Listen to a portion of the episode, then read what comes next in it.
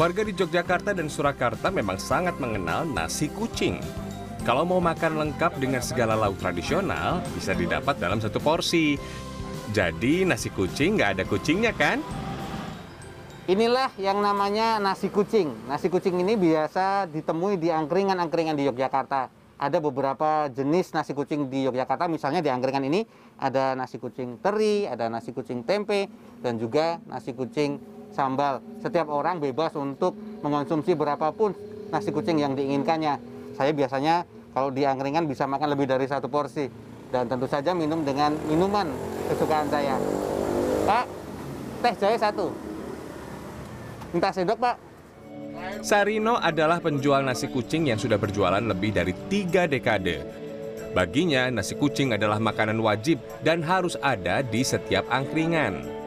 Ya karena kalau angkringan Jogja ini identik dengan nasi kucing. Kalau nggak ada nasi kucingnya itu ya bukan angkringan.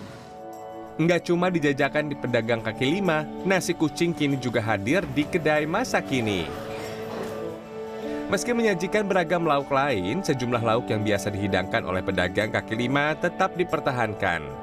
Kami mengangkat uh, dan mempertahankan budaya kuliner orang Jawa zaman dulu dan masih masih memang masih sampai sekarang itu masih menjadi budaya masyarakat pada umumnya.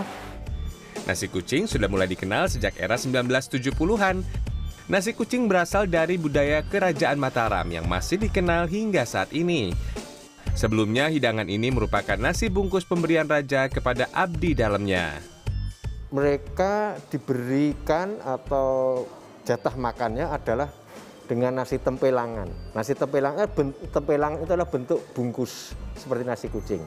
Isinya adalah nasi sedikit, kemudian uh, oseng tempe yang sekarang di atau sambal goreng tempe yang seperti sekarang diikuti, kemudian sering soun, sering tempe dan sebagainya. Meski mempunyai akar budaya Mataram, menurut Sumartoyo, istilah nasi kucing lahir dari masyarakat sekitar satu dekade sejak munculnya angkringan, terutama di Yogyakarta. Tim Liputan CNN Indonesia Daerah Istimewa Yogyakarta.